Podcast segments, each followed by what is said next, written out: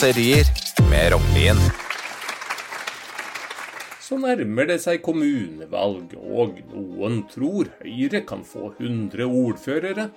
De skal få seg noen overraskelser, for tid til å drive politikk blir det lite av. Ifølge Statistisk sentralbyrå er det nå 10 000 nordmenn mellom 95 og 99 år. Ordførerne kommer ikke til å få tid til annet enn å holde hundreårstaler. Tipper Høyre snart kommer til å angre på alle kommunene de nettopp slo sammen. Kanskje det ikke hadde vært så dumt med en ekstra ordfører eller to allikevel. Det er ikke bare ordføreren som vil feire deg når du blir 100.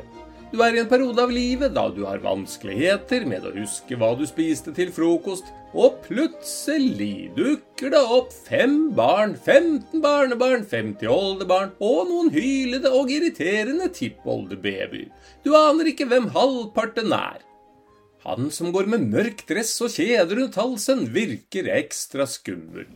I din alder kan jo fremmede menn som risler med kjetting, oppleves litt truende. I tillegg har han åpenbart lest mappa di, for han vet forbausende mye om deg. Du kan ikke unngå å legge merke til at alle viser ham mye respekt, så dette kan ikke være en hvem som helst. Nei, han må du passe deg for.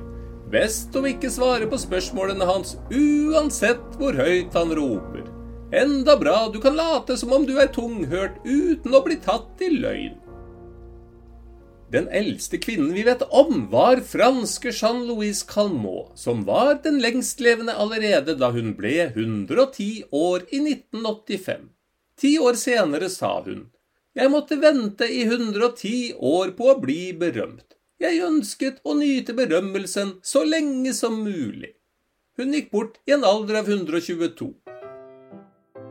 Som regel er det da også kvinner som blir ordentlig gamle. Alt var bedre i gamle dager, sier de.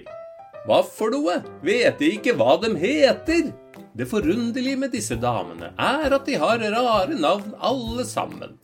For å si det sånn, ingen betviler at du er hundre når du heter Halfrid, Wilhelmine, Gerda eller Olette.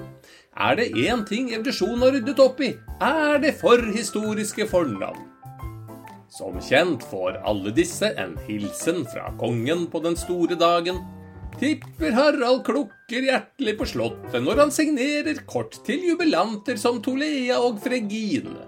Bursdagskortet gir de gamle en anledning til å si at jo visst er kongen veldig flink, men ingen var så dyktig som kong Haakon. Han var den aller beste.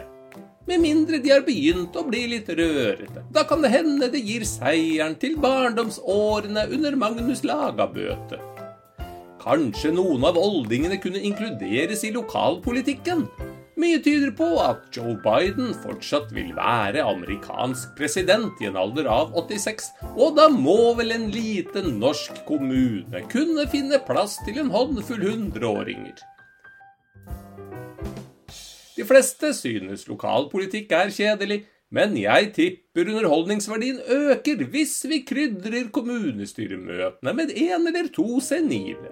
Tenk så spennende det blir når ingen vet om gamlingene stemmer for budsjettforslaget til Frp eller Rødt. Vi har bare ett parti som bruker partiprogrammet til å hylle han som har makt til å avslutte livene våre. Det er derfor liten tvil om at Kristelig Folkeparti blir belønnet med den første ordføreren på 100.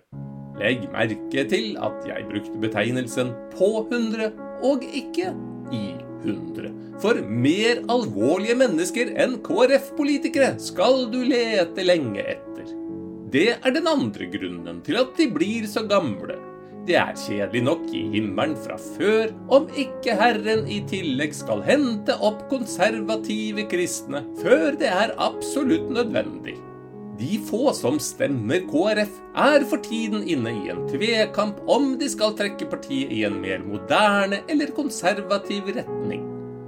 Det betyr at kampen om KrFs framtid står mellom de triste og de nitriste.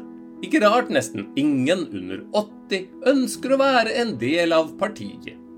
De appellerer til ca. 4% av velgerne, men fordi alle disse bor i samme kommuner, som regel i en bitte liten avkrok på Sørlandet som du må ha vokst opp i for noensinne å ha hørt om, har de klart å karre til seg elleve ordførere. Alle er naturligvis menn, og snittalderen i snakkende stund er 54 år.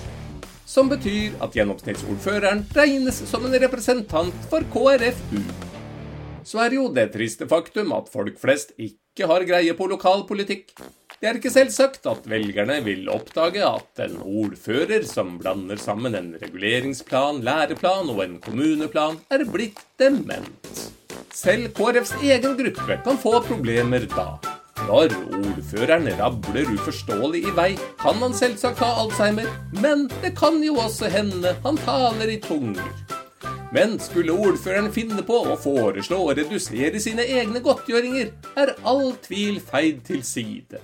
Da er sjefen blitt senil.